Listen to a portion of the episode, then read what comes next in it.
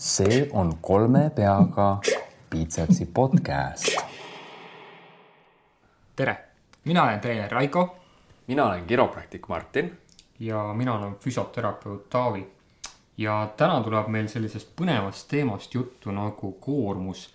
et me räägime, kuidas siis kehad koormust tajuvad, kuidas nad selle vastu võtavad, kuidas nad kohanevad selle arvelt, mis juhtub siis, kui nad ei kohane, tekib ülekoormus ja äh, alustame siis äh, sellisest kõige tähtsamast mõistest, et äh, Martin, ole hea, selgita ära, mis asi on optimaalne koormus? Äh, see definitsioon on minu jaoks veidikene selles mõttes probleemne, et teoorias see iseenesest kõlab üsna lihtsasti, aga praktikas võib seda olla päris raske nagu niimoodi suunata ja kontrollida ja seda mõjutavad päris paljud erinevad faktorid. aga, aga siiski optimaalne koormus on koormus, mis tekitab maksimaalse kudede kohanemise soovitud suunal. et see võib-olla kõlab, kõlab keeruliselt, aga ma toon siia ühe lihtsa näite. näiteks kui soovime piitsepsit kasvatada. muidugi. eks ole. kõige tähtsam lihas. just, nii. lihasmassi suurendada, see on meie eesmärk. siis peaksime kombineerima kõik erinevad faktorid, et biitseps saavutaks valitud koormusega maksimaalse suuruse. kui aga koormus on alla optimumi, on tulemuseks väiksem biitseps. kui aga treeningkoormus on üle optimaalse, võib tulemuseks olla samuti suhteliselt väike biitseps või hoopis vigastus. optimaalse koormuse sisu ja maht oleneb tugevalt konkreetselt eesmärk, konkreetsest eesmärgist nii et kui me just praegu tõin näite siis biitsepsi lihasmassi kasvatamisest, siis kui me võtame näiteks sama lihase, aga räägime näiteks äh, hoopis maksimaalse jõu arendamisest või vastupidavuse arendamisest, on treeningmuutujad on, on üsna erinevad. mingil määral sarnased, mingil määral erinevad. me praegu toome näite ühest konkreetsest eesmärgist, ühe konkreetse koe eesmärgist lihasmassi kasvatamisest, biitsepsil siis aga tegelikult ju selle ühe koe koormamisel tuleb arvesse võtta seda, et, et meil saavad väga paljud erinevad koed samal ajal koormust, nii luud, ligamendid, kõõlused. ja me teeme ka sellest juttu, et kuidas siis need erinevad struktuurid, kas ja kuidas, mil määral kohanevad. mulle meeldib mõelda äh, või see on selline, kutsutakse kuldkeha printsiibiks, et äh, täpselt nagu kuldkeharake muinasjuttu teate sellest, et. ikka, muidugi. metsa ja siis äh, kolme karu juures nii-öelda proovis erinevaid toite, proovis erinevaid voodeid, voodeid ja siis just see täpselt, mis sobis. et see oli tema jaoks see, et, koormustega on tõenäoliselt samamoodi, et natuke peab natuke mängima, natuke katsetama, et leida see, kas treeningmuutujal see vahemik, mis siis soovitud eesmärgini nii-öelda viib ja selle sobiva kudede koormuse esile kutsub mida ma tahaks selle optimaalse koormuse kui sellise kohta kohe ära öelda, on see, et et äh, see on umbes äh, sama, sel-, sama kergesti kättesaadav kui näiteks Loch Nessi koletis või, või siis äh, mm, lumeinimene. et, et see optimaalne koormus kui selline nagu kõlab hästi lihtsana. teoorias lihtne. teoorias on väga lihtne ja, ja võib-olla mingi pildi pealt oleme ka näinud, on ju, aga tegelikult mis see nagu täpselt optimaalne, seda on väga-väga raske äh, nagu üles leida ja kirja panna äh,. esimene põhjus selleks loomulikult see, et me kõik oleme nii erinevad ja meie, meie kehad nagu nõuavad erinevaid koormusi. ja meie kehad, meie kehade jaoks on see optimaalne väga erinevates kohtades. ehk siis millest on lihtsalt oluline aru saada, ma arvan, nagu kõigil, kes kuulavad, on see lihtsalt, et kui sa teed trenni või kui sa teed mingeid harjutusi näiteks kasvõi terapeutilise eesmärgiga, siis äh, kui sa leiad juba mingi sellise vahemiku, millega sul toimub progress, siis tegelikult on juba väga hästi mm.. et, et seal progress on tõenäoliselt mingi spekter, mingi vahemik ja seal on see üks koht, see nii-öelda see nõela, nõela sihuke pea, kus on nagu see kõige-kõige optimaalsem koht. aga selle peale nagu jääda või seda üles leida üli-üliraske. ehk siis äh, seal on väga palju erinevaid tegureid, mis mängivad selle, selle osas, et, et äh, miks see koormus ei ole nii optimaalne, nagu see peaks olema või nagu see võiks olla õigemini. aga ma arvan, et, et kui sa juba suudad oma sellise tegevusega tagada seda, et progress toimub, siis on käsi kullas, see on väga hästi. jah, et praegu siin karantiini ajal, kui väga paljud inimesed võib-olla trenni ei saa kas teha või et siis äh, on tegelikult areng ka see, kui sa hoiad oma seda massi või vähemalt absoluutselt. nii tugevalt äh, või oma nii-öelda treenitust, et, et vähemalt nii tugevat langust esile ei kutsu, et selles no- mõttes võib ka seda juba nagu häs-, heaks ja võiduks, eesmärgiks ja nagu võiduks lugeda jah, sest igaühel ei ole meil elutoas kükipuuri eks Taavi. jah, ma ei julge isegi oma kükipuurist videosi ülesse panna, sest ei inimesed taha inimesi kadedaks ajada, jah. Aga Raiko, kas no, kõik koed kohanevad äh, koormustega või, või on seal erandeid? suures plaanis äh, ma väga selliseid erandeid ei oska tuua, mis üldse ei kohaneks. me oleme, tähendab, oleme kindlasti kuulnud seda, et, et näiteks ajurakud meil ei uuene, eks, et nagu rakkude enda sellist äh, ümberkäitlemist või, või no sellist uuendamist ei ole, aga et kui nad surevad, siis nad ongi läinud, eks. aga sellele vaatamata ju närvikude tegelikult kohaneb väga hästi ja närvikude võib-olla tõenäoliselt on isegi esimene kude, mis üldse kohanema hakkab et loomulikult kohanevad ka lihas, lihaskude äh,, sidekude ehk siis äh, erinevad kõõlused, sidemed, luud, eks äh,. ja raskude, ma arvan, et ka kohaneb. me võib-olla sellest väga pikalt ei räägi sest ma arvan, et see ei ole võib-olla selle podcast'i nagu suurem, suurem selline teema, sest et nagu koormust me raskuajale vaevalt, et kuidagi väga asetame. Küll aga, küll aga raskude saab kohaneda siis äh, selle läbi, kuidas ta eritab hormoone ja ka kõhred võivad kohaneda samamoodi. ehk siis, kui me räägime kõhred, kõhrelistest kudedest, siis näiteks liigeskõhred ja, ja siis äh, lülivahekettad meie lülisambas. ja nende kudede kohanemiseks vajalik aeg on küll väga-väga erinev. kõige suurem tegur tõenäoliselt selle kohanemise eelduseks on hea verevarustus. Ehk siis koed, mille verevarustus on väga hea, kohanevad ka kiiremini kui need, kus verevarustus on oluliselt kehvem. lihtne näide, lihaskoes verevarustus reeglina väga hea ja lihaskude kohaneb ka päris kiiresti. me näeme seda selles, et äh, lihasvigastustest me taastume kiiremini, aga ka selles, et meie lihasjõud tõuseb päris kiiresti pärast jõutreeninguid ja juba pärast esimest jõutrenni muide hakkavad toimuma mingid kohanemise mehhanismid, ehk tõenäoliselt meie lihasjõud on juba pärast esimest treeningut suurem, kui oli see, kui see oli enne. mis on oluline võib-olla veel teada, on see, et esimeste ütleme kaheksa nädala ajal umbes meie lihaskude ei kohane või ütleme, meie lihasjõud ei tõuse siis sellest, et meie lihaskude hakkaks suuremaks muutuma, ehk siis nagu hüpertrofeeruma mm, -hmm. vaid toimub närvikoe kohanemine, ehk siis neuraalne adaptatsioon on selle selline ütleme siis teaduslik termin.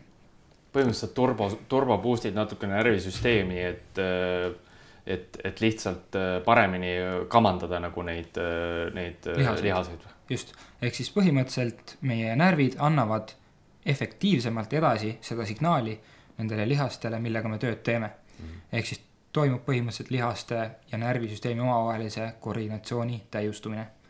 ma arvan, see on piisavalt lihtsana öeldud.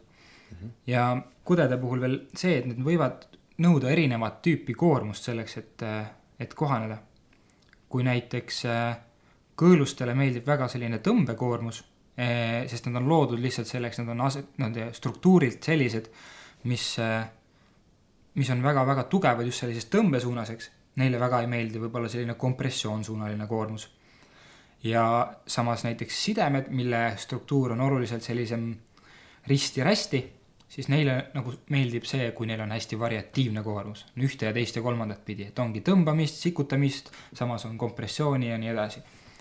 ehk siis selles mõttes äh, ja mis veel võib-olla, luudele näiteks meeldib väga põrutav koormus, ehk siis ka selline kompresseeriv, kompresseeriv koormus, mida me saame näiteks jooksmine. näiteks joostes, jah, ja ka asfaldi peal joostes. ja see ei ole üldse halb ja see ei ole see, et ta põrutab meie selja või põlved ära, vaid ei, ta, ta annab küll põrutavat koormust, aga mitte selles mõttes, et ma põrutan kuidagi oma liigesed ära ja nüüd ma teen liigestele liiga. kui ei ole väga pikka aega jooksnud ja minna kohe panna poolmaraton ja võib-olla see on natuke palju, on ju siis ei ole enam ole- see ei optimaalne. ole optimaalne ole. just, just, ehk siis seda on võib-olla palju mm. -hmm. aga kui see jääb optimaalse piiridesse, siis see tagab tegelikult väga hea kohanemisreaktsiooni, mis lõpeb sellega, et meie luukude, meie kõhrkude tegelikult saavad tugevamaks, kui ta oli varem. Väga hea, nüüd äh, Taavi käest ma küsikski, et needsamad äh, koed, millest sina rääkisid, eks ole. et äkki Taavi, sa räägid, et missugused muutused toimuvad lihtsalt erinevates kudedes, kui nad saavad koormusi? mm. -hmm. et me saame erinevaid kudesi erineval viisil mõõta ja sellest mõõte viisist, kuidas me mõõdame, sõltubki see, kuidas me siis näeme seda nagu kohanemist äh, mingi nii-öelda mõõdetava asja nii-öelda läbi. et näiteks luudel me näeme, et luu tihedus on võimeline tõusma koormuse abil. aga luu tihedus pole ainukene, mis muutub, et ka luu kvaliteet muutub. et seda on meil juba raskem mõõta, kui me näiteks äh, hakkame äh, osteoporootilist ehk siis luu hõrenenud äh, luu hõrenemisega patsienti nii-öelda treenima, et teemegi talle kas hüppavaid, jooksvaid, põrutavaid koormuseid, sellised, mis tema jaoks on veel optimaalse koormuse piiris.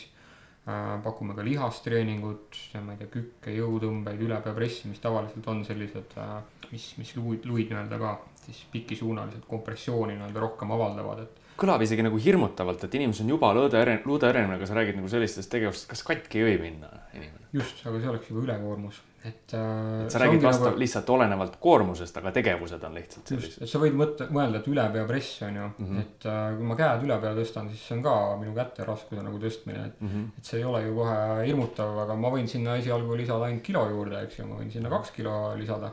et see ei tähenda, et me kohe teeme liiga suurel koormusel, et lihtsalt me võib-olla jõuame mõne aja pärast sinna suure koormuseni. siis võib-olla inimesel jääb selline mulje, et oi, maru suurte koormustega, et äkki see on ohtlik, aga eeldades seda, et sa oled teinud optimaalse koormuse äh, tsoonil seda, sul tegelikult ju keha adapteerub. lõpuks äh, see luu, luu hõrenemine võib siis nii-öelda väheneda.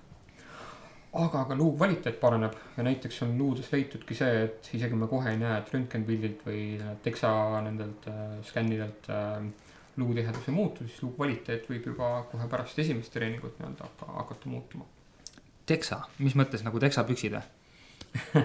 ei, see on siis äh, selline luutiheduse mõõtmise viis, kus siis vaadatakse, kas äh, reieluust, lülisambast äh,, sääreluust äh, luutihedust äh,, et äh,, et annab mingi mõõdetava väärtuse. ja kes te luutihed-, tegelikult me saame mõõta ka näiteks ju kehakoostist üldiselt on ju, rasvaprotsenti ja nii edasi teksa meetodil.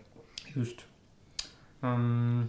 siis mis teiste jah, mis teiste kudedega siis, siis toimub? Um, kõõlustes me näeme, et um, tehes optimaalsel koormusel siis neid pingekoormuseid pakkudes näiteks, mis, millest Raiko rääkis, et need meeldivad neile kõige rohkem.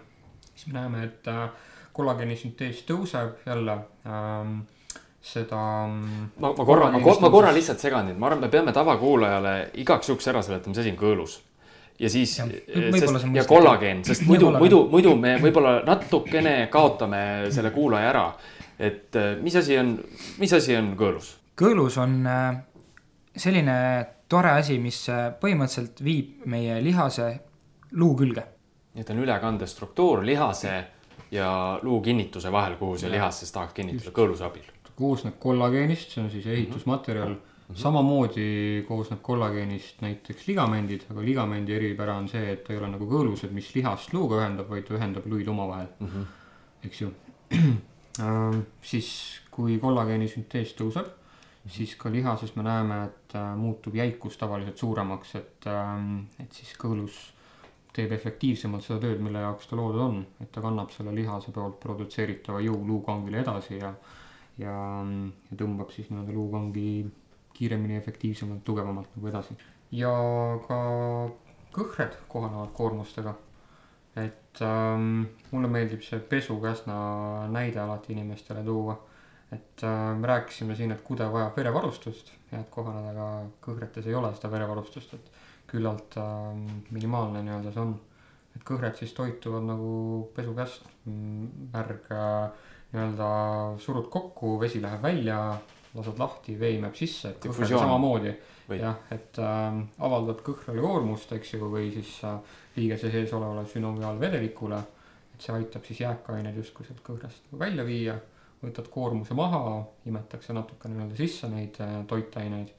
ja niimoodi järjestikust liikumist meie liigesed vajavad, et olla elujõulised ja, ja nii-öelda igatpidi mahlased, et liikumine saaks äh, hästi ja efektiivselt toimuda. mulle meeldib inglise keeles lotion, ei, parandan, motion is lotion ehk siis liikumine on nagu toidab liigeseid to, toidab liigeseid jah, just, et siin ei võitab, ole seda. võitab ja õlitab. võitab, õlitab jah, võitab mulle meeldis, sihuke hea võie, väga liigesvõie. just, ehk siis ei ole see, et liiges, et kui liigub, siis kulub, et seda nagu meie liigeste puhul pigem ei, ei tähelda. siis äh, selle jaoks, et paremini aru saada, et äh, kuidas siis erinevad koed nüüd raku tasandil seda kohanemist esile kutsuvad meil oleks vaja tutvustada ühte mõistet, et see on keeruline mõiste, see on mehaanotransduktsioon. Martin, mis see tähendab? see nimi on justkui keeruline, aga tegelikult äh, see protsess ei ole ise väga keeruline. vähemalt see põhimõte ei ole. et mehaano tähendab lihtsalt mehaaniline jõud või koormus ja transduktsioon tähendab lihtsalt põhimõtteliselt muundumine või muutumine.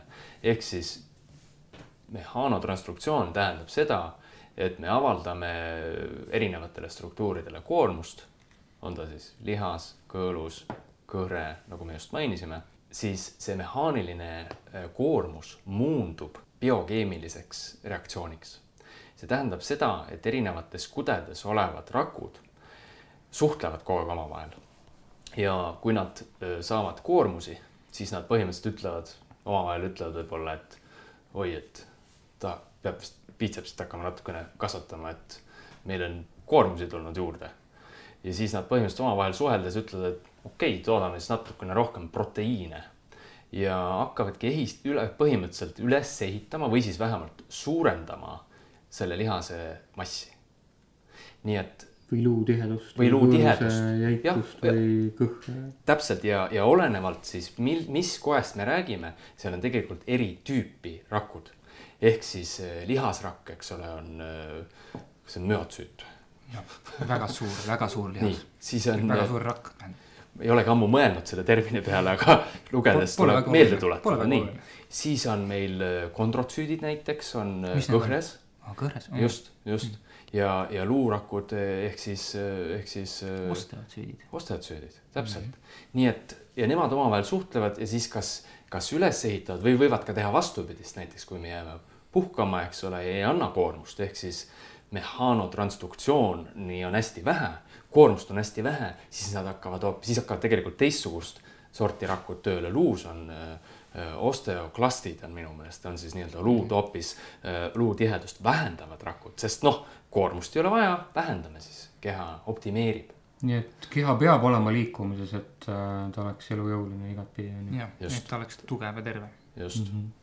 nii et mehaanotransduktsiooni me võime rääkida ka teraapia mõttes, et see ongi ravi, see tähendab seda, et et, et inimesel on näiteks nõrkus või, või, või, või mingi muu kaebus, mille tõttu saab neid erinevaid struktuure tugevamaks muuta ja me saame öelda, et see toimub läbi reaalse struktuuri ehitamise protsessi, mida, mida saab siis erinevat moodi ka mõõta luutiheduse vähenemine, eks ju, lihasatroofia, ka liigeskõhretes on leitud, et on atroofia, kui koormust nagu ei ole.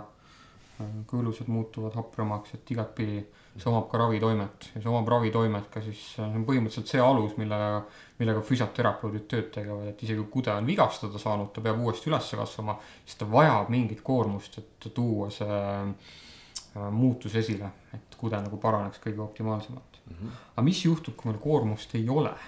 Raiko, kas sa Ehk räägid siis... sellest, et? jaa, nagu Martin ütles ka, siis kui näiteks koormust ei ole, siis luutihedus väheneb, on ju, et seal osteoklastid teevad tööd, on ju, ja võtavad seda luukudet sealt vähemaks. sest et äh, evolutsiooniliselt on väga lihtne. kui ei ole vaja, siis jääd ilma. ehk siis äh, kasuta või kaota vist on selle. jah, use it or lose it on ju inglise keeles, väga siukene riimuv või selline jääb ilusti meelde. aga, aga mulle jällegi meeldib see evolutsiooniliselt nagu selline mõte, et, et, et äh, kui meie keha kohaneb, siis see, see ongi selleks, et meie keha saaks paremini hakkama nendes tingimustes, mis me oleme endale loonud. ehk siis meie keskkond tingib meie kohanemise. kui äh, see keskkond on äh, selline, kus me liigume palju, kus me võib-olla treenime palju ja, ja me asetame kehale pidevalt sellist arendavat koormust, meie keha areneb ja muutub tugevamaks, nii nagu me eelnevalt rääkisime ka, ehk siis lihas kasvab, närvid muutuvad, äh, või noh, ütleme närvikoe selline efektiivsus tõuseb, äh, kõõluste kollageeni jäikus suureneb ja nii edasi, eks. ehk siis põhimõtteliselt kõik, kõik koed nagu kohanevad sellega, aga samas kui nüüd äh, me oleme sellised, ütleme noh, praegu eriti siin karantiini ajal minul ka, ma arvan, et väga paljudel teistel on väga raske olla produktiivne ja väga raske treenida sellises mahus nagu varem. et, et äh, mina näiteks noh, jõutreeninguga põhimõtteliselt viimased kuu, mis meil on, viis või kuus nädalat, kaua iganes nüüd möödas on, väga tegeleda, tegelenud ei olnud, ei ole, äh, sest et mina kodus treenida väga ei suuda ja jõusaalid on kinni, eks, isegi välijõusaalid on kinni. ja mis siis tõenäoliselt minu kehas selle sellepärast toimub, on see, et, et äh, minu lihasmass on vähenenud.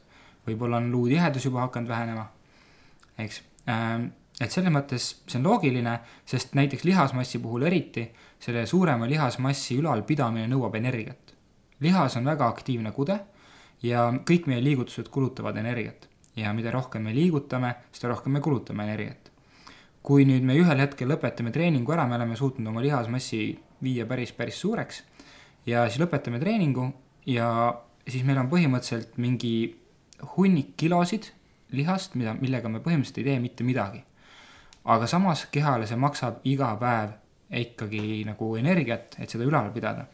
ja siis mingi hetk keha lihtsalt otsustab, et kuule, et aitab küll, hakkame nüüd vaikselt siis äh, kokku tagasi tõmbama, otsi kokku tõmbama, sest et nõudlust enam ei ole, et mida me siin nagu toidame seda lihast nii suure energiahulgaga iga päev, et selles mõttes ei ole ju mõtet et evolutsiooniliselt pigem ma siis salvestaksin selle energia raskuaine, sest et seda võib kunagi vaja minna siis ma saan varudest nagu kasutada. see on loogiline selle saab ka viia mingitesse rahaterminitesse, et kui äh, nõudlus on suurem, palkad lisatööjõudu näiteks kogu aeg, on ju, maksad rohkem palka inimestele. aga siis tuleb karantiin ja sinu inimesed enam tööd ei saa teha ettevõttes, aga sa maksad neile edasi sest noh, okei okay,, selles mõttes inimlikul tasandil see on nagu mõistlik, aga rahaliselt see ei ole väga mõistlik, sest et sa ei saa sealt nagu midagi enam, sul ei ole vaja neid inimesi tegelikult. aga sa maksad neile edasi. ehk siis samamoodi mingi hetk sa tegelikult tahaks võib-olla koondada neid inimesi sealt töölt, sest et nemad võtavad sinult justkui raha iga, iga kuu. ja loogiline oleks, et sa võib-olla tahaksid seda raha alles jätta, sest sa võid seda mingi hetk saada nagu mingiteks muudeks otstarveteks kasutada. ma ei tea, kas see tundub loogiline mm -hmm.? arusaadav. okei okay millest ma tahaks võib-olla korraks veel juttu teha, siin on lihaskoe nagu kohanemisest see, selline väikene aspekt, et ähm, miks mina ise nagu väga meeleheitel ei ole, sellepärast ma ei ole trenni teinud, sest ma tean, kuidas äh, lihased kohanevad ja kuidas nad siis ka hiljem nagu kõhetuvad. ehk siis sa ei muretse oma nagu ala no, alakoormuse, alakoormuse pärast, pärast., jah, ma ei muretse selle pärast, sest ma tean. lühiajaliselt siis. jah, just, ehk siis äh, mis juhtub, kui lihas hakkab suuremaks minema äh,? lihasrakul Äh, on sellised organ-, organellid, rakuorganellid nagu tuumad. ja kuna lihasrakk on ise oma mõõtmetelt väga suur, kõige suurem rakk meie kehas, siis tal ei piisa ühest tuumast. sest üks tuum suudab hallata ainult mingi nagu piirkonna, mingi pindala sellest lihast rakust ära. ja mida suuremaks läheb see raku pindala, seda rohkem tuleb toota neid rakutuumasid. ehk siis, kui me treenime, siis lihas kasvab ja rakutuumasid tekib juurde nüüd, kui ma lõpetan treeningu ja minu lihas hakkab kokku tagasi tõmbama, siis need tuumad ei kao kohe ära sealt. eks need tuumad jäävad, aga neile jääb väiksem ala kontrollida.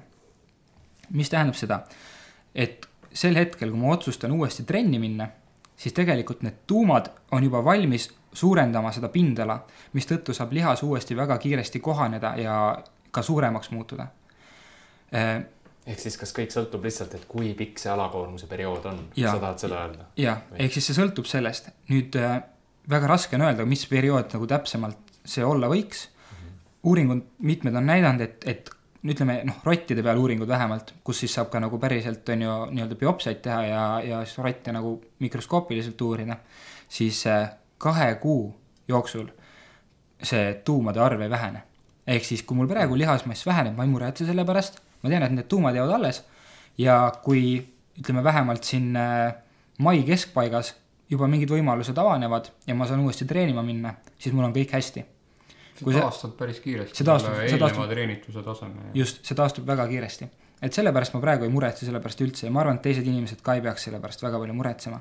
et selles mõttes, et äh, kui see kodus treenimine lihtsalt ei ole sinu jaoks, kui sa suudad selle karantiini üle elada selliselt, et sa noh, midagi ikkagi liigud, et see täitsa passiivne ei ole, on ju. ja praegu natukene lihaskudet kaob, pole hullu, kui sa hakkad pärast jälle peale, siis tegelikult see eelnev tase tuleb päris kiiresti tagasi.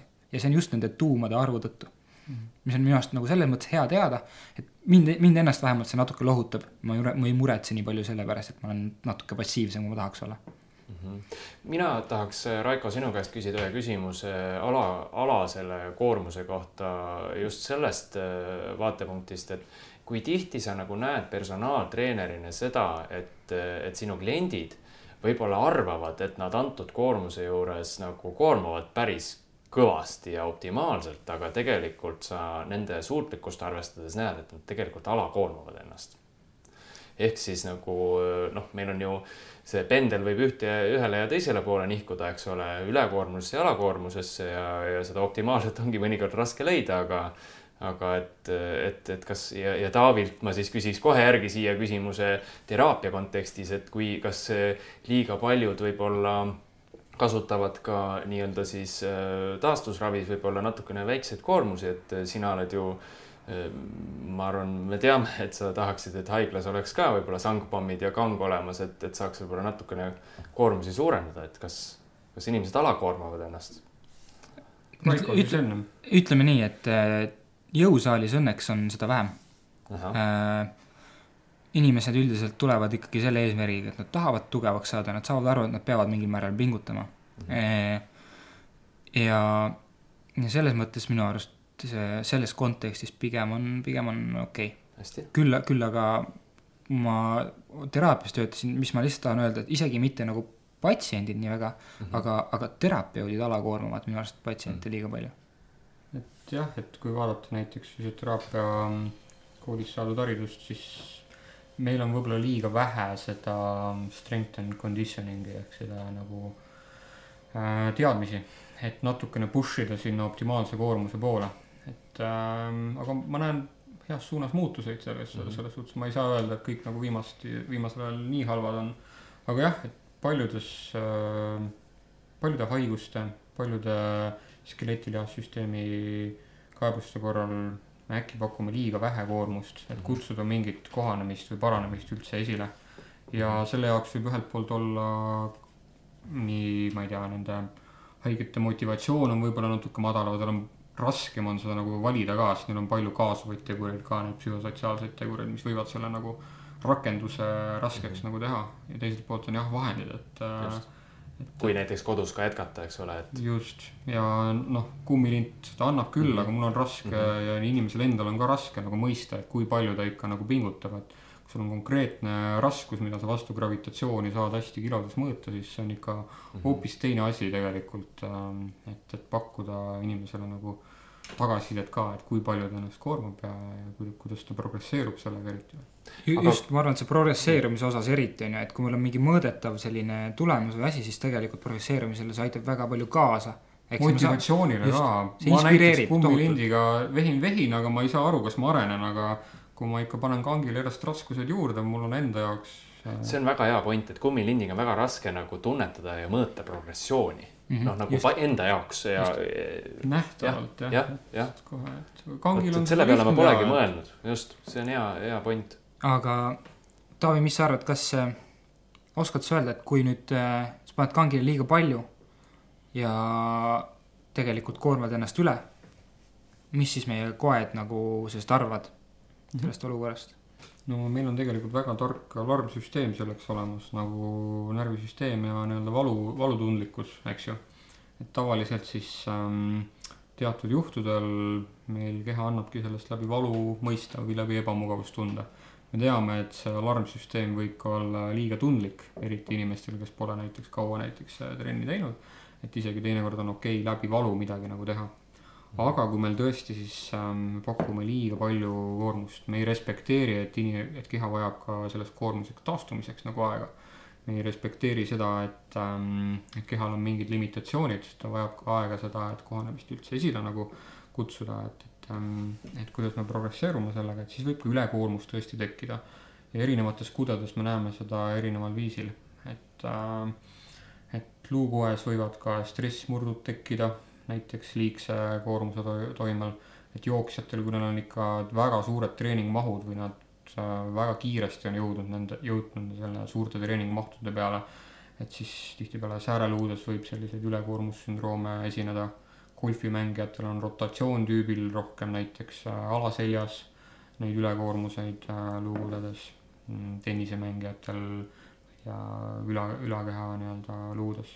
ka kõõlustes, kui on liiga selline koormus, millega enam keha adapteeruda ära ei jõua, et siis ka kõõlustes tekivad mingid patoloogilised protsessid, mis on näha, et kõõlus hakkab midagi tegema, mida ta tegelikult ei tohiks teha, et võib-olla isegi natuke hüpertrofeerub äh, liigselt, et üldjuhul kõõlus lihtsalt jäikus suureneb ilma väga suure nagu hüpert-, hüpertrofeerumisega, et justkui selline keha satub paanikasse selle koormuse ajal ja siis üritab nagu midagi teha, mis ei ole tegelikult kasulik äh, üldse ähm,. Ja kui me siis ühekordselt üle pingutame, et siis ka kude võib katki minna, et tekib selline akuutne vigastus.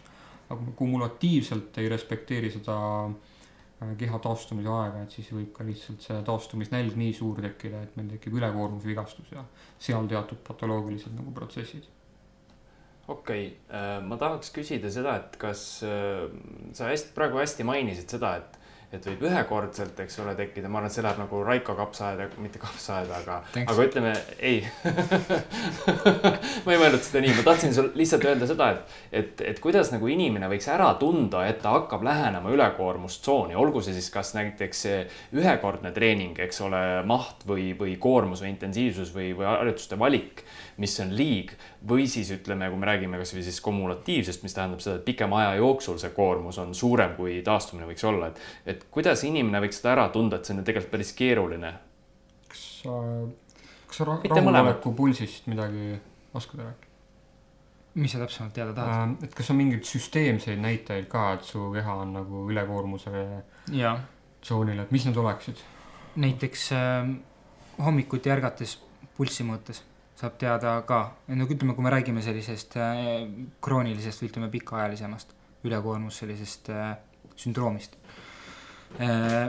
Kui enamasti võiks äh, rahuoleku pulss ja, ja ütleme, öine pulss olla võib-olla seal neljakümne, viiekümne löögi kanti. see on hästi individuaalne, on ju, sa pead selle jaoks mingit baasi ennem nagu teadma vist regulaarselt mõõtma. Mhm. noh, ongi see, et kas sa kannad näiteks kella iga öö, kell ise mõõdab seal pulssi öö läbi, äh, ütleb sulle kõige madalama selle südamelöögi sageduse ja hommikul ärgates saad vaadata kohe esimese asjana näiteks, mis see nii-öelda ärkamise pulss, sihuke hommikune pulss on. et, et sa saad selles mõttes enda nagu sellise noh, nii-öelda baseline'i või siukse nagu alg sellise andmed saad sinna, saad teada. siis, kui see peaks mingi hetk hakkama tõusma hommikuti, olema kõrgem kui tavaliselt, siis võib olla segu või võib olla tegu näiteks ülekoormus siukse sündroomiga.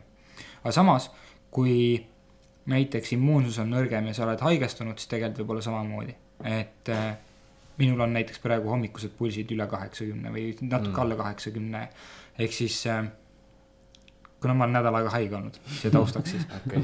ehk siis äh,, ehk siis äh, ja, ja ütleme praegugi tõenäoliselt on minu pulss kõrgem, kui ta peaks olema, et tavaliselt ta võiks olla sihuke viiskümmend, kuuskümmend, sest ma istun hetkel. aga aga tänu sellele, et ma olin haige, siis äh, samamoodi süda teeb nii-öelda natukene ülekoormusel tööd, et üritab nagu likvideerida neid haiguse nähte.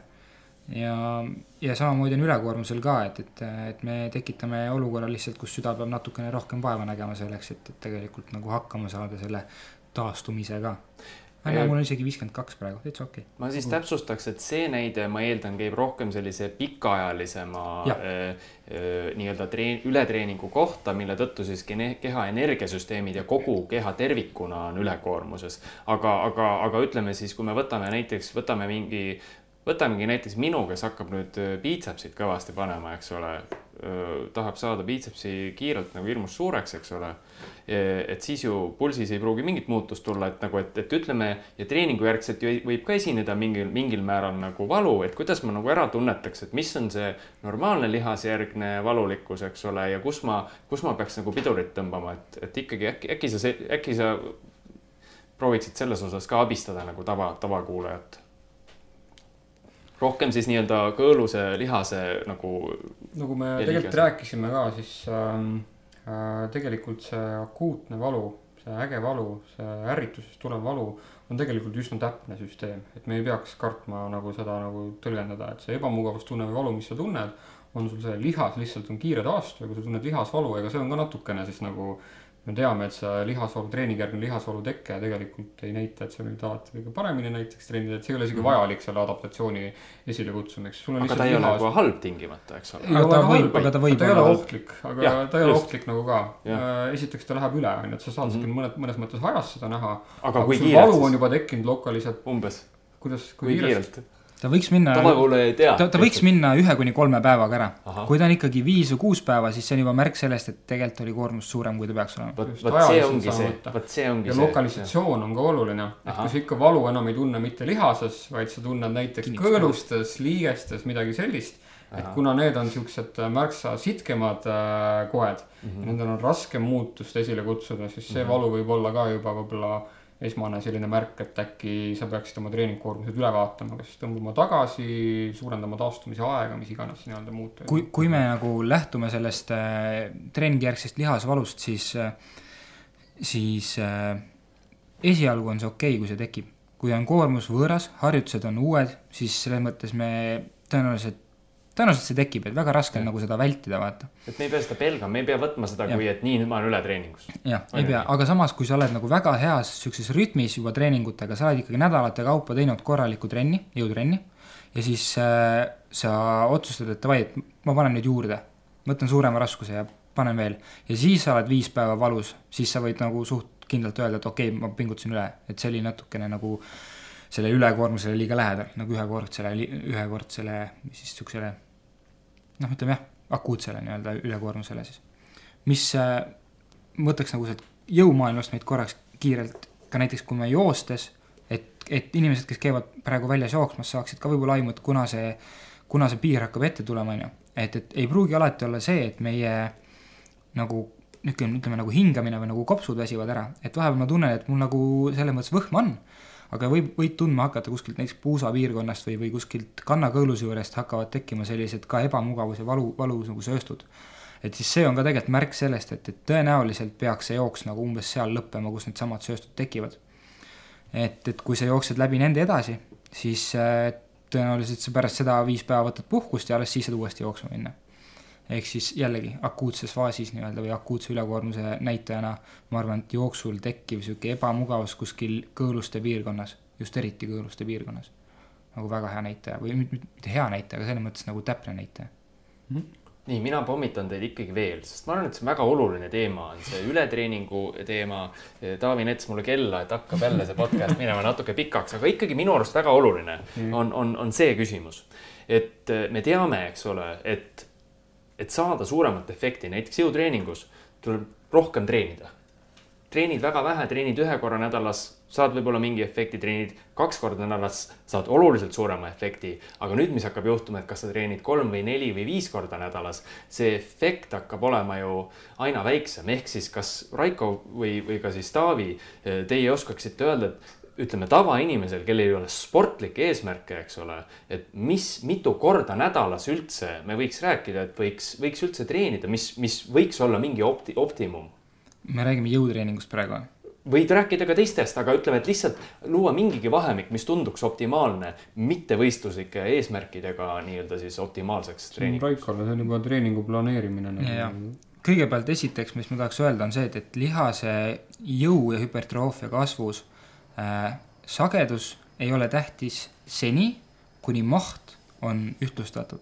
ehk siis, kas ma teen kaks rasket või kolm kergemat trenni, kui nad on null, nagu nullivad või noh, ütleme, nad on võrdsed mahu poolest, siis see efekt on tõenäoliselt suht sama. ehk siis, kui sa tõstad nädalas tuhat kilo, kas sa teed seda kahe või kolme treeningu jooksul, efekt on enam-vähem sarnane, lihtsalt kui see Jah. üldmass on sama.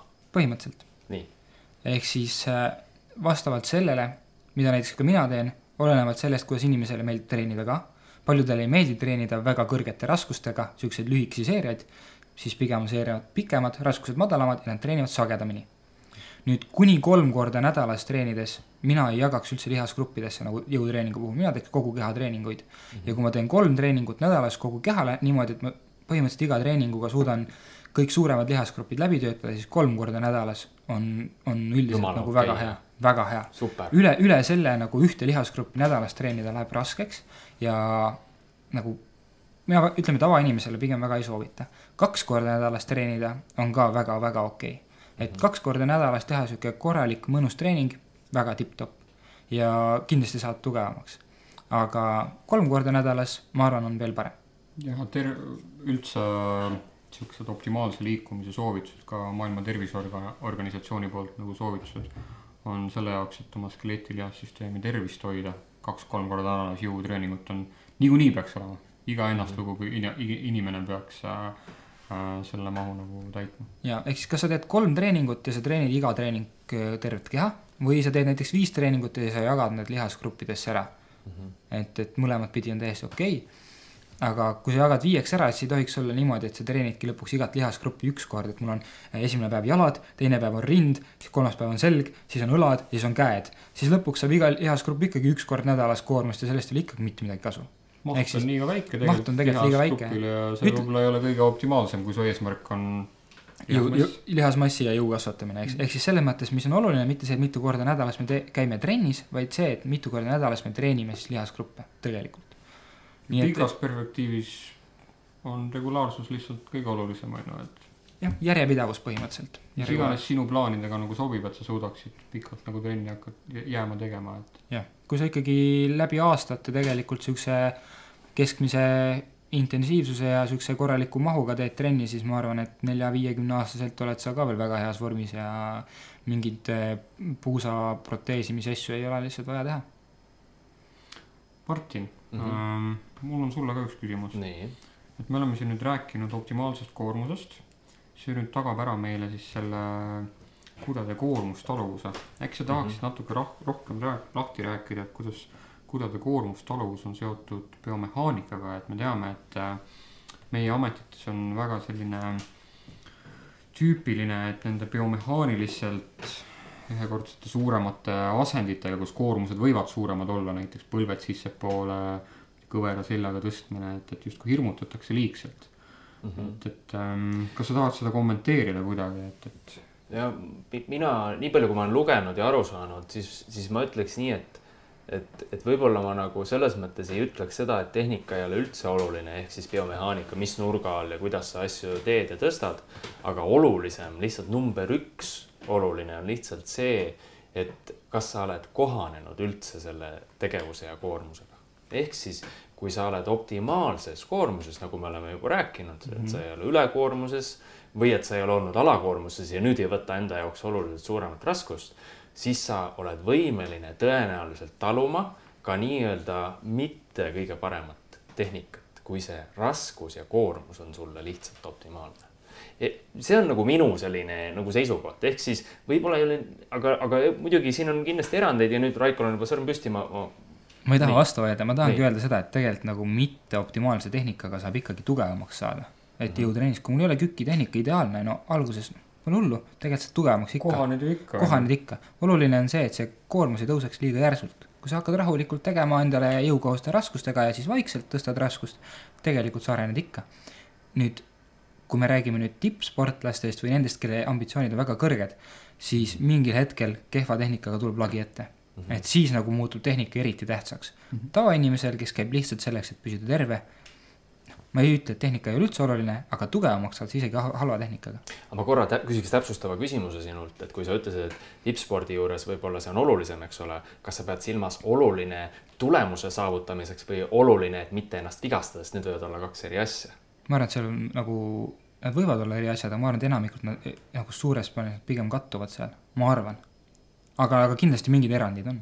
ma tooks ka näiteks näite, et, et ähm, kui me hirmutame inimesed nagu liigselt ära selle biomehaanilise ütleme, põlved sissepoole asendiga, ei lase kordagi seda põlve sissepoole näiteks sportlasel. ehk ta ju, me treeningul ei kasuta kordagi seda põlved sissepoole asendit, siis tegelikult me võtame väga spetsiifiliselt ka põlve koormustaluvuse alla, et sa tegelikult ei treeni põlve koormuseid taluma selles põlves sissepoole asendis. Treeningul on need hästi nagu kontrollitavad tehniliselt mm, -hmm. aga päriselu mängus, ma ei tea, jalgpallis tegelikult põlved käivad niikuinii sissepoole. ja kui sa ei ole nagu treeningul juba seda nagu ette seda taluvust treeninud selles väga spetsiifilises asendis, siis võimalik, et see isegi suurendab sul vigastuse riski et äkki mingeid sidemeid, mingeid ligamente isegi peaksime ka ebaneutraalsetes asendites mm -hmm. treenima et sportlast nii-öelda selleks spordiks või eluks paremini siis nii-öelda ette valmistada, kohandada. koha, kohanemisvõime oleks parem ka selles nii-öelda vigastusaltimas asendis nii-öelda või tegevuses. just nii, et kui keegi näeb näiteks äh, Raikot sportlasega jõusaalis tegema ka, ma ei tea, mingid põlved sissepoole kükki, siis äkki see on eesmärgipärane mm. -hmm. et äkki see on just äh, mõeldud sellega, et tema mm -hmm. põlvi selles asendis tugevaks teha mm, -hmm. et see ei tähenda, et me nüüd ei teeks ka neutraalses asendis näiteks kükke või ei, ei treeniks ka muudes asendites seda tugevamaks, et mm, -hmm. et see võib jääda selline nagu mulje, nagu alati tehakse midagi valesti, aga tegelikult, kui koormused on koormust taluvusele vastavad, siis me tegelikult teeme isegi asju paremaks äkki. jah, ja, ja, ja näiteks ka hüppeliigesed nagu see nii-öelda sihuke hüppeliiges inversioon asendeks, et mida me teame. väljaväänamise asend. välja, väljavaane, väljaväänamine jah, et, et tihtipeale äh, võiksime tegelikult just selle asendi võtta ja siis näiteks selles asendis kõndida, miks mitte hiljem natukene hüpata ja joosta, et tekitada just sedasama nende, nende sidemete nagu sihukest koormustaluvust, mis näiteks ütleme inimestel, kes korvpalli mängivad, võib eriti tähtis olla sa peadki viima selle liigese ju ebaneutraalsesse asendisse sinna ääre peale, et sul need sidemed läheksid üldse pinge alla, just nad saaksid koormust ja treeningul on seda hästi optimaalses koormustsoonis nagu lihtne teha, seda kontrollida. kontrollitult teha. kontrollitult mm, -hmm. eks ju, et ette valmistada see hüppeliiges põlv sportlase keha üldse ka sellisteks ekstreemsemateks asenditeks mm. -hmm ma üht, ühte asja mainiks nagu, mis puudutab seda biomehaanikat, et, et, et biomehaanika võib olla väga kasulik ja oluline ka siis, kui näiteks inimene on kogu aeg arenenud ja me võime eeldada, et justkui need koormused on olnud optimaalsed, aga tal ikkagi tekib mingi valu. ja nüüd me peame võib-olla biomehaaniliselt mingeid muudatusi tegema lihtsalt, et ta ei ülekoormaks teatud regiooni, võib-olla üldmõttes, võib-olla üldkehalises mõttes me võime öelda, et inimene on optimaalses treeningus, aga mingid struktuurid, võib-olla vanad vigastused võib-olla mingid muud tegurid, mida me ei tea. nii et tehnikaga on meil võimalus mängida. meil on võimalik koormuseid muuta. kui mingi piirkond on ülekoormatud, muudame seda jooksutehnikat, ma ei tea, varvastele jooksmine teeb sul varbad valusaks, teed aeg-ajalt kannale jooksmist, sul on tegelikult mänguruumi, keha Just. on ju adapteerumisvõimeline erinevates asendites. sul valutab õlg näiteks, sa teed äh, näiteks rinnalt surumist, eks ole, võib-olla mõnda aega muudad natukene amplituudi ja kasutad hoopis äh, hantleid ja, ja nii edasi mm. -hmm. siia juurde võikski tuua, et mis just iseloomustab, mis on need tegurid, mis iseloomustavad seda optimaalset koormust. et seda paremini sättida, nagu sättida siis äh, sinna äh, optimaalse koormuse poole. Raiko, et, et äh, meil on üks uuringu tulemused siin ees, mis justkui toob soovitusi, et, et mis võiks olla siis iseloomustada optimaalset koormust, et tahad, tahad seda avada natuke, seda teemat? jaa miks mitte, ma arvan, et see, see võib, ma loodan, et see ei lähe nagu liiga spetsiifiliseks, et see jääb kuulajale arusaadavaks. et, et kuidas nagu selles mõttes ka nagu juhe, juhendada ennast sinna optimaalse koormuse poole, aru saada, et see asi, mida sa teed, on ka süsteemne, on see progresseeruv ja, ja sellest on sulle tõesti kasu, et mitte, mitte ta ei ole nüüd niisama mingi selline lahmimine, siis esimene asi, mille peale mõelda võib-olla on see, et, et see koormus tegelikult on ka nagu konkreetsetele mingitele kudedele suunatud. sul on vaja eesmärki selle jaoks ja. tegelikult, et sa teaksid, mille jaoks sa üldse treenid. just, ehk suures plaanis see tähendabki seda, et, et, et mul peab olema see, et ma tean, millele ma teen mingit asja, mingit harjutust näiteks. ehk siis äh, kui me räägime näiteks Martin tõi rinnalt surumise näite, siis ma arvan, et kellelgi ei teki probleemi nimetada, et, et oh, rinnalihas töötab, suur rinnalihas töötab siin selle harjutuse ajal. jah, töötab küll tegelikult töötab siis kindlasti ka õlalihase esi, eesmine ja keskmine osa, on ju, või noh, on tea, seitsmest peast või mitmest seal need kokku on, on ju. Äh, eh, kindlasti triitseps töötab, äh, käsivare või ütleme siis äh, küünarvarre lihased töötavad, aga lihased ei ole ju ainsad, mis töötavad. tegelikult luud saavad kompresseerivat koormust, kõõlused on pinge all, sidemed, sest me asendites ka ju seda, kuna me asendit muudame. sidemed ehk siis ligamendid, ma korra teen märkuse, et neid kasutatakse läbi isegi jah, sidemed ehk siis ligamendid, mis siis luud luuga ühendavad, saavad ka koormust seal asendis. ja närvisüsteem saab ka, eriti kui me läheme raskustega nagu ülespoole, lähme sinna oma suutlikkus maksimumi lähedale, siis tegelikult närvisüsteem saab ka väga tugeva koormuse. mistõttu näiteks pärast seda, kui me oleme rasket kükki teinud, me enam väga midagi muud rasket teha ei jaksa, sest et mitte võib-olla lihased ei ole väsinud, sest ko-, kordusi on vähe olnud, aga närvikude on jube väsinud lihtsalt. siis äh, nagu ma ütlesin ka, selle liigutusel on, on selline amplituud või ulatus, siis, siis üldiselt see laadimine võiks toimuda läbi kogu ulatuse või läbi kogu funktsionaalse ulatuse. ehk siis see tähendab just seda, et ma ei tee nii-öelda half rep'e, et äh, toon toon mingi Poolik liht-, lihtne lihtsalt näide. no ütleme niimoodi, et näiteks rinnalt surumisel ma lasen selle kangi vastu rinda, vastu rinnakut, eks, et ma ei jää nagu viie sentimeetri kõrgusele. nüüd äh, ja näiteks jõutõstjatel võib olla seal treenides äh, vahel see pakk on ju, nad teevad seda treeningu eesmärgina, see on selles mõttes väga eesmärgistatud, nad tugevdavad mingit nagu äh, vahemikku seal liigutuses, aga üldiselt tavainimene võiks laadida kogu te läbi terve liigutuse vältel. nüüd terve amplituudi. terve amplituudi vältel, jah. ja kui on vastupidiselt ülekoormus näiteks selles asendis, me saame seda amplituudi ka vähendada. ehk. siis olenevalt vajadusest. ehk siis seesama pakk näiteks, kui siin täiesti allasendis on väga valus, ma ei tea, kas õlas või kuskil on valu või küünarnukis, ma saan selle paku põhimõtteliselt panna siia rinnaku peale et see kang puhkab viis sentimeetrit kõrgemal ja tegelikult on kõik hästi, on ju. nüüd, mida ma tahtsin näiteks öelda küki puhul, on see, miks ma ütlesin ka nagu läbi funktsionaalse liikus, liikuvuse või läbi, läbi funktsionaalse amplituudi on see, et küki puhul minu jaoks funktsionaalne amplituud võib olla veerandkükk või poolkükk Mm. kui ma olen sportlane, ma teen mingit hüppesporti, näiteks mm -hmm. korvpall, võrkpall mm, -hmm. mul ei ole vaja sügavkükki minna tegelikult mm. -hmm. et ma võib-olla tahangi läbi selle veerandküki või poolküki oma hüppevõimet arendada, mis Just. tegelikult seal areneb kiiremini, sest et ma suudan arendada rohkem, natukene rohkem võimsust, rohkem kiirust selle liigutuse vältel, mis tagab selle, et ma suudan kõrgemale hüpata. ehk siis see ei tähenda alati seda, et ma eh, kasutan seda liikuvuse amplituudi ära nagu täiesti ühest äärmusest teise, see võib olla mingitel tingimustel ka väiksem amplituud, olenevalt eesmärgist. olenevalt eesmärgist. tahad kõrgemale hüpata, nii et kui ma olen korvpallur, ma alustan hüpet niikuinii veerand kükk asendist mm. -hmm. siis tegelikult jõusaalis sobiv lihasjõud treenida sinna, võib-olla ma peakski veerand kükki tegema võib-olla mõnevõrra eesmärgipärasemalt isegi mm. Mhm. -hmm. see ei ole ka häbiasi, et ma justkui teeksin poolikuid mm Mhm. -hmm. kükke, et see võib olla teinekord ka eesmärgipärane, et Mhm. me ei saa seda vaadata justkui, et absoluutselt oh, et sa ei tee sa ei tee kükki nagu täis, on ju, et just. küll aga tavainimesele selles mõttes ma arvan, et see funktsionaalne amplituud võiks siiski olla võimalikult suur amplituud, nagu just selle in- tavainimesel, kellel ei ole mingit eesmärki, et ma pean nüüd korvirõnga ära hüppama või suutma pealt panna, midagi sellist. et siis pigem hoida seda amplituudi suuremana. kui sul on lihasmass või treenitus üldine nagu eesmärk, siis sa tegelikult, just sinu eesmärk ongi see, et sa kogu liikumisulatuses seda teed, et poolikus liikumisulatuses sa kaotad nii ka juba selle lihasmassi kasvatamise kui ka Sa- selle ütleme nii, et sa saad igast kordusest vähem kasu. Mhm. just, Mhm. väga hästi.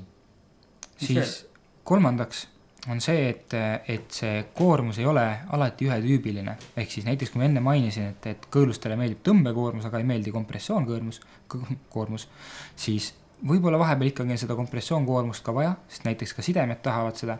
ehk siis meil on vaja nagu erinevaid koormuse tüüpe natukene, ehk siis ära ainult ujuvhüppa ka. jah, põhimõtteliselt. Nii et kui ma tegelen spordialaga näiteks, mis on väga ja kus on tegelikult näha ka, et ülekoormussündroomid on kõrgemad, on väga monotoonsed, monotoonse koormumisstiiliga spordialad. et näiteks jooksmine ka, et sul väga limiteeritud liikumisulatuses väga konkreet-, sarnaset koormust on kogu aeg. Mhm. et seal on tegelikult ülekoormuse riga-, vigastuse risk nagu päris äh, kõrge. et äkki olekski optimaalsem, kui sa lihtsalt sporti teed, erinevaid spordialasid natuke nagu harrastada Mhm. jaotada see koormus erinevate kudede vahel nagu rohkem ära, et saada see treeningefekt nagu üldisem, et või kasvõi samade kudede vahel, eks ole, aga lihtsalt- lihtsalt erineva selle kiirusega, kiirus. kuidas see jõud rakendub.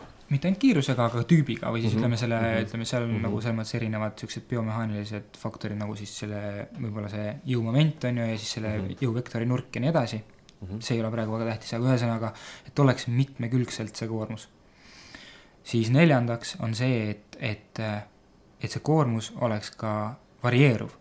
ehk siis, mis võiks varieeruda, võiks siis põhimõtteliselt selle koormuse suund, selle koormuse aeg, intensiivnus, intensiivsus ja maht. ehk siis, kui ma alustan nüüd suunast, siis see tähendab seda, et ei ole näiteks ainult üles-alla, aga oleks ka näiteks külgedele, ette-taha. ehk siis ei ole ainult kükk, võib-olla vahepeal on ka väljaasted ette, väljaasted taha, väljaasted mm. -hmm. küljele, Mhm. okei okay?. Ma arvan, et see on selles mõttes suht lihtsasti arusaadav. sa vist peadki nagu kehale ka mingit sellist uudsust pakkuma aeg-ajalt, ma tean ka, et sa ei saa ju kogu aeg võib-olla sama harjutust edasi teha, et sul keha see adapteerub selle liigutusega nii kiiresti või nagu nii efektiivselt ära, et sa lõpuks äh, sa enam ei kohane, sa pead natuke neid treeningmuutujatega mängima, et, et Jaa. treeningplaani pannakse ju ka niimoodi kokku, et aeg-ajalt muudad, muudad raskust, mingit plokki, mis sul Just. seal nagu on. Et siis keha hoida selles uudsuse nii-öelda faasis, selles adapteerumise faasis, et neid muud. ja ehk siis täpselt järgmisena kestus, ehk siis see tähendab seda, et ma ei tee alati sama kiirusega seda liigutust, vaid vahepeal ma teengi nimelt aeglasemalt, võib-olla ma kükis lähengi alla nelja sekundi vältel, pidurdan seda allaminekut jõhkralt. ja see pakub juba nii palju uudsust tegelikult, et sa ei pea kükki vahetama millegi muu vastu välja, vaid lihtsalt sa oled muutnud seda tempot, harjutuse tempot. siis kolmandaks intensiivsus, mida me jõutreeningus tegelikult äh, mõistame siis kasutatud raskuse all, ehk siis ma ei tea, pea alati tegema neli korda kaheksa mingi raskusega, mida, millega ma jaksan teha, vaid vahepeal ma teen võib-olla ka näiteks kolm korda viisteist. võtan väiksema raskuse, aga pakun erinevat intensiivsust. võib-olla vahepeal teen viis korda viis, võib-olla teen üldse kolm korda üks näiteks. panen nii palju peale, kui vähegi suudan ühe korra teha, proovin kolm seeriat teha. ja viimaseks maht, ehk siis selles mõttes hea mahtu mõõta üldiselt selle harjutuse puhul kasutatud kilodes nagu. et meil ei ole võib-olla mõni mõistlik mõõta nagu kokku kordusi, mis me oleme teinud, me võime, aga me võime ka kasutada siis või arvutada seda kogu kilode nagu raskust, mis me siis kasutasime selle harjutuse äh, treenimise ajal. siis järgmiseks me peaksime kindlasti stimuleerima närvisüsteemi, ehk siis nagu ma enne mainisin, me peame tegema mingeid asju piisavalt raskelt, et see närvisüsteem saaks ka sellise hea koormuse kätte. kui me teeme rasket kükki, siis see stimuleeribki eelkõige meie närvisüsteemi, see on närvisüsteemile väga korralik koormus, jõutõmbe ajal samamoodi. näiteks biitsepsit treenides on seda nagu närvisüsteemile väga-väga raske saada, sest see on isoleeritud harjutus ainult, noh, ma ei saa öelda ühele lihasele, aga ühele lihasgrupile ehk siis seal nagu närvisüsteemile sellist nagu overload'i või sellist nagu kerget ülelaadimist, sellist ei teki. aga seda me Ka- peame vahel tekitama. Ka taastusroovis on see oluline, et teinekord, kui inimene saab liigutust ähm, kas läbi valu teha, et siis kui me näiteks ainult kätega selle liigutuse eest ära teeme, et nagu manuaalselt äh, tekitame seda äh, liigutust, et äh, et sina liigutad näiteks minu jalga, et siis tegelikult puudub minu närvisüsteemile piisav koormus, et seda adaptatsiooni esile kutsuda. et selle tõttu teatud ähm, ähm, assisteeritud liigutused või sellised manuaalsed ei näita ka väga suurt kohanemisefekti nagu toovad. et kui sa midagi suudad teha, et siis kaasata see patsient selle liigutuse ise tegemisse, et sa ei pea ju kõike ette ära tegema, et siis seal ei ole ka seda närvisüsteemi nii-öelda rolli nii suurt. siis äh, mitmes see nüüd on, kaks, neli, kuuendaks on see, et see peaks olema personaalne. ja see tähendab seda, et päriselt igale inimesele see optimaalne koormus on täiesti erinev. see tähendabki seda, et sa võib-olla treenidki sinule sobiva arvu treeningkordi nädalas, sinule sobiva raskusega, sinule sobiva ma ei tea, mingisuguse noh, sinule sobivates jalanõudes või mis iganes, ühesõnaga see peab olema indiv-, individualiseeritud, mitte see, et ma võtan kui väsinud sa oled ja mis sul on, kuidas sul tööl läheb ja kõik need muud asjad ju ka Jaa. vast ikka. kindlasti, kui sa oled väsinud, kui sul on tööl väga raske päev olnud, sa kindlasti ei ole nagu oma sellisel nagu top levelil. ja naisterahvastel tegelikult siinkohas mängib ka tsükkel rolli Mm. mm.. menstruaaltsükli esimesed kaks nädalat jõudu palju rohkem, sest testosterooni tase on kõrgem.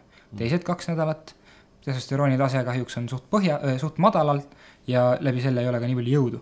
Ehk siis naisterahvastel tegelikult olenevalt ka sellest nii-öelda kuufaasist võib olla see kõik jõud ja kõik see väga erinev. ja seda peab nagu ütleme, tre-, kui, kui me programmeerime treeninguid, eriti kui naisterahvastele programmeerime treeningut, tegelikult me peaks teadma seda.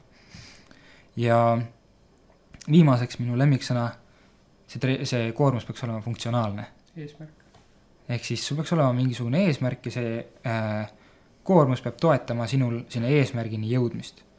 Kui sul on eesmärk viia äh, näiteks kümme poekotti korraga trepist ülesse, siis võta need liivakotid ja mine sinna trepimasinale ja liivakotte hoia käes ja kõnni trepimasinal ja see on ülifunktsionaalne.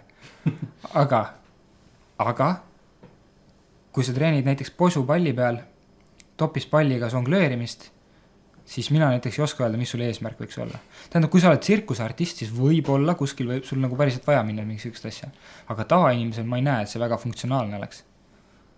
ehk siis kõik on funktsionaalne, mis täidab seda eesmärki ja, ja, ja seostub selle eesmärgi poole funktsionaalsuse sõna liikumisega. on lihtsalt nii ära solgitud, et Jah, äh, inimesed arvavad, et sa pead mingi imetrikke selle jaoks tegema, et et teha funktsionaalset treeningut tegelikult, see ongi tegelikult, oleneb sinu eesmärgist, on ju. just, et me teame isegi, et jõusaalides on äh, funktsionaalsed alad lausa. tegelikult siis justkui teised alad seal jõusaalis võiks nagu... olla siis mittefunktsionaalsed, aga tegelikult see on bullshit. Noh. tegelikult on äh, kogu jõusaal funktsionaalne, kui sinu eesmärk on saada tugevamaks. absoluutselt, just just. ehk siis äh, jah, ehk siis sellised tegurid selleks, et, et aidata mõista, mis see optimaalne koormus on et, et äh, igaüks võib nüüd ise mõelda, et kui palju tema selline treeningprogramm või treeningkava neid äh, linnukesi teeb. ja kas see, kas see võiks olla optimaalne või äkki näiteks, kui sa tunned, et see tõesti sul näiteks ei ole sellist variatiivsust mahus, intensiivsuses, suunas ja kestuses, siis võib-olla peaks seda ka tutvustama oma treeningprogrammi ma kindlasti tahaks seda öelda, et äh, juba kui mina kiropraktikuna, eks ole, kuulan neid erinevaid äh, faktoreid, eks ole, mis optimaalset koormust mõjutavad ja iseloomustavad, siis see läheb päris pagana keeruliseks, et neid on päris palju. et kindlasti nagu inimesed, kes ei ole eriti treeninguga kokku puutunud, aga, aga neil on nagu üllas eesmärk, et optimaalselt ennast koormata, et mitte teha liiga vähe, mitte teha liiga palju. jumal küll, meil on Eestis nii palju asjalikke personaaltreenereid, pöörduge nende poole ja nad aitavad teil äh, neid koormusi ja tegevusi optimeerida. no see on ülioluline ja, ja väga-väga hea allikas nagu abiks. ja, ja, ja kui ma lõpetasin siis selle funktsionaalsuse sõna, funktsionaalse sõnaga, siis äh, kui sinu treener ei küsi sinu käest, mis on sinu eesmärk, siis vaheta treenerit okei okay,, see on võib-olla natukene nagu selline provotseeriv väide, aga reaalselt tegelikult sinu treener, kui ta sulle koostab treeningkava ja treeningprogrammi, ta peab teadma sinu, teadma sinu eesmärke. muidu ei ole sellest kavast kasu. mingid äh, eesmärgid lihtsalt selle jaoks, et olla terve inimene, võib-olla selle optimaalsete liikumissoovitustega on ka universaalsed, et iga inimene saaks mingit aeroobset koormust, et südame äh, võimekus ja tervis säiliks, eks ju. ja ka jõutrenni teha, et, et skeletilihasüsteemi koormus, taluvust kõrgel hoida, et no ma lisaks selle optimaalse koormuse juurde veel ühe, ühe sellise ja, asja, et äh, minu jaoks on päris nagu üllatav see, et vaadake, eelmine kord, kui me rääkisime ju valust, eks ole mm., siis me rääkisime kontekstist, eks ole. ja me rääkisime sellest, et me vaatame ju inimest nii tervist, tervise kui ka haiguse läbi, siis läbi biopsühhosotsiaalmudeli, eks ole. ja hästi huvitav on see, et nagu erinevad artiklid ja asjad, mis ma loen nagu ütleme, sellise koormuse ja taluvuse või treeningu kohta väga paljud äh, need äh, uurimused ikkagi vaatavad bioloogilisi neid äh, muutusi.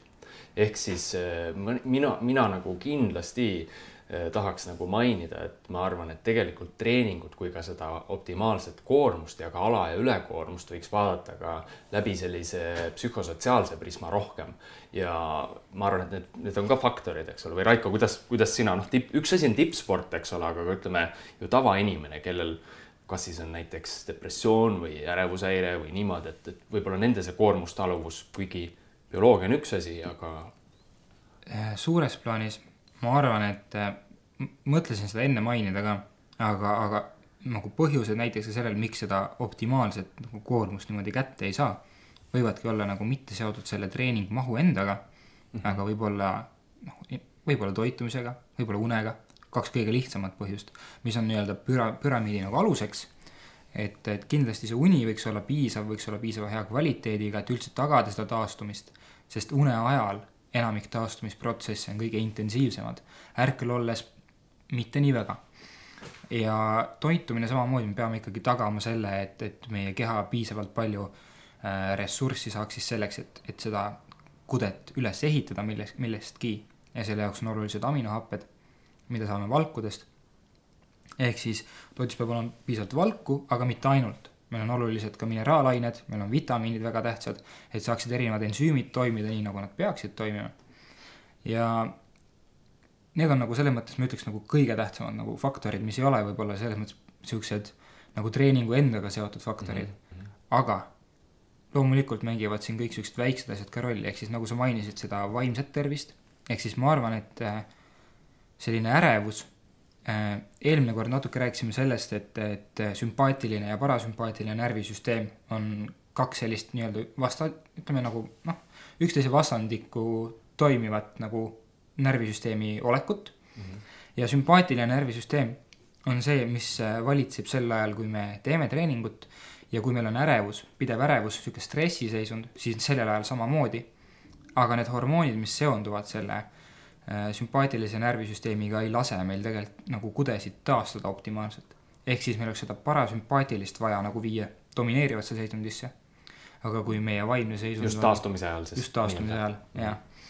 et äh, ütleme, see on taastuse üheks eelduseks mm. -hmm. ja kui, kui meie vaimne seisund ei lase meie organismil lülituda sinna parasümpaatilise seisundisse, siis meie taastumine on väga-väga tugevalt häiritud. Nii, aga kõikidel nendel teadmistel, mis me nüüd rääkinud oleme, et äh, mis siit kaasa võtta, et mida näiteks kaasa võtta treeningul, mida võtta kaasa vigastuste ennetamisel ja mida võtta siis näiteks taastusravisse nii-öelda kaasa. Ähm, kas Raiko mõne sõnaga ütleksid, et mis, mis siis treeningul kõige paremini nagu selle optimaalse koormuse printsiipi arvestades ähm, arvesse võtta?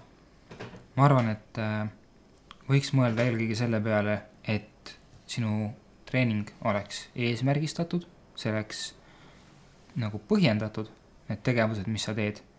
mitte see, et nad oleks lihtsalt ägedad, vaid et nad tõesti, tõesti toetavad neid eesmärke, mis sinul on. just, ja uuri rohkem selle kohta, et kuidas siis sa oma treeningut võib-olla üles ehitada, et neid eesmärke saavutada kõige efektiivsemalt. Martin, vigastuste ennetamise puhul, kuidas no, seda printsiipi kasutada? ma arvan, et kõige olulisem on lihtsalt see, et ära tee järsku liiga palju, et kui sul on eesmärk, et sa tahad näiteks teha palju, siis alusta lihtsalt samm-sammult ja sa võid kokkuvõttes teha isegi üsna uskumatult palju. ehk siis see optimaalne koormus tähendab lihtsalt seda, et sa astmeliselt annad koormusi, millega siis keha kohaneb ja ta tuleb järjest toime kollektiivselt siis kõik erinevad koed, mis saavad koormust nende suure, suuremate eesmärkidega. niimoodi ka tipu, tippu vist jõutakse, et vähehaaval järjest pannakse ja siis tõesti neid tippe vaadates jääb nagu sihuke ulme mulje, et kui palju meie keha tegelikult on võimeline lõpuks taluma, et, et, et vaatame näiteks Rait Ratasseppa või isegi, et. no müstika, müstika müstika. teiselt planeedilt. ärge kodus proovige nii aga mis on siis need erinevad, ma arvan, et inimesed ikkagi on äh, enamasti arvanud, et noh, lihas on selge, et see reageerib, eks ole, kui me treenime, muutub suuremaks, tugevamaks ja nii edasi. aga et meil on nii paljud erinevad koed ju ja mis, mis üldse reageerivad koormusele. just ja taastusravis me eriti nagu edendamegi seda optimaalse koormuse printsiipi, et paranemist esile kutsuda. et kui sul on ka mingi vigastus tekkinud, et siis see on justkui see periood, kus sul tekib niikuinii alakoormus, et keha ennast üles ehitab, aga selle jaoks, et äh, vigastusest täielikult taastuda, sa vajad koormust. et see optimaalne koormus on nagu füsioterapeudi ravim põhimõtteliselt, seal on üledoosid, seal on aladoosid ja seal on see optimaalne koormus, mis kutsub äh, kohe esile selle, et sa tõesti tuleksid sealt oma vigastusest välja, sa saavutaksid oma tegevusvõime, sa saavutaksid oma optimaalse tervise. et taastusravis ka igatpidi nii-öelda vajalik äh, asi, mida teha, miski, mis on kõige põhilisem asi üldse seal taastusravis. et kõik muu jamad võib tegelikult üsna, üsna suures mahus kõrvale jätta. et rohkem peaksime keskenduma sellele, et äh,, et inimesi optimaalselt koormata, et nad saavutaksid oma skeletilihastsüsteemi tervise. kas no, tõmbame otsad kokku? jaa. aga aitäh, et meiega jälle selle tunnikese vastu pidasite. mina olen füsioterapeut Taavi mina olen kiropraktik Martin. ja mina treener Raiko. aitäh kuulamast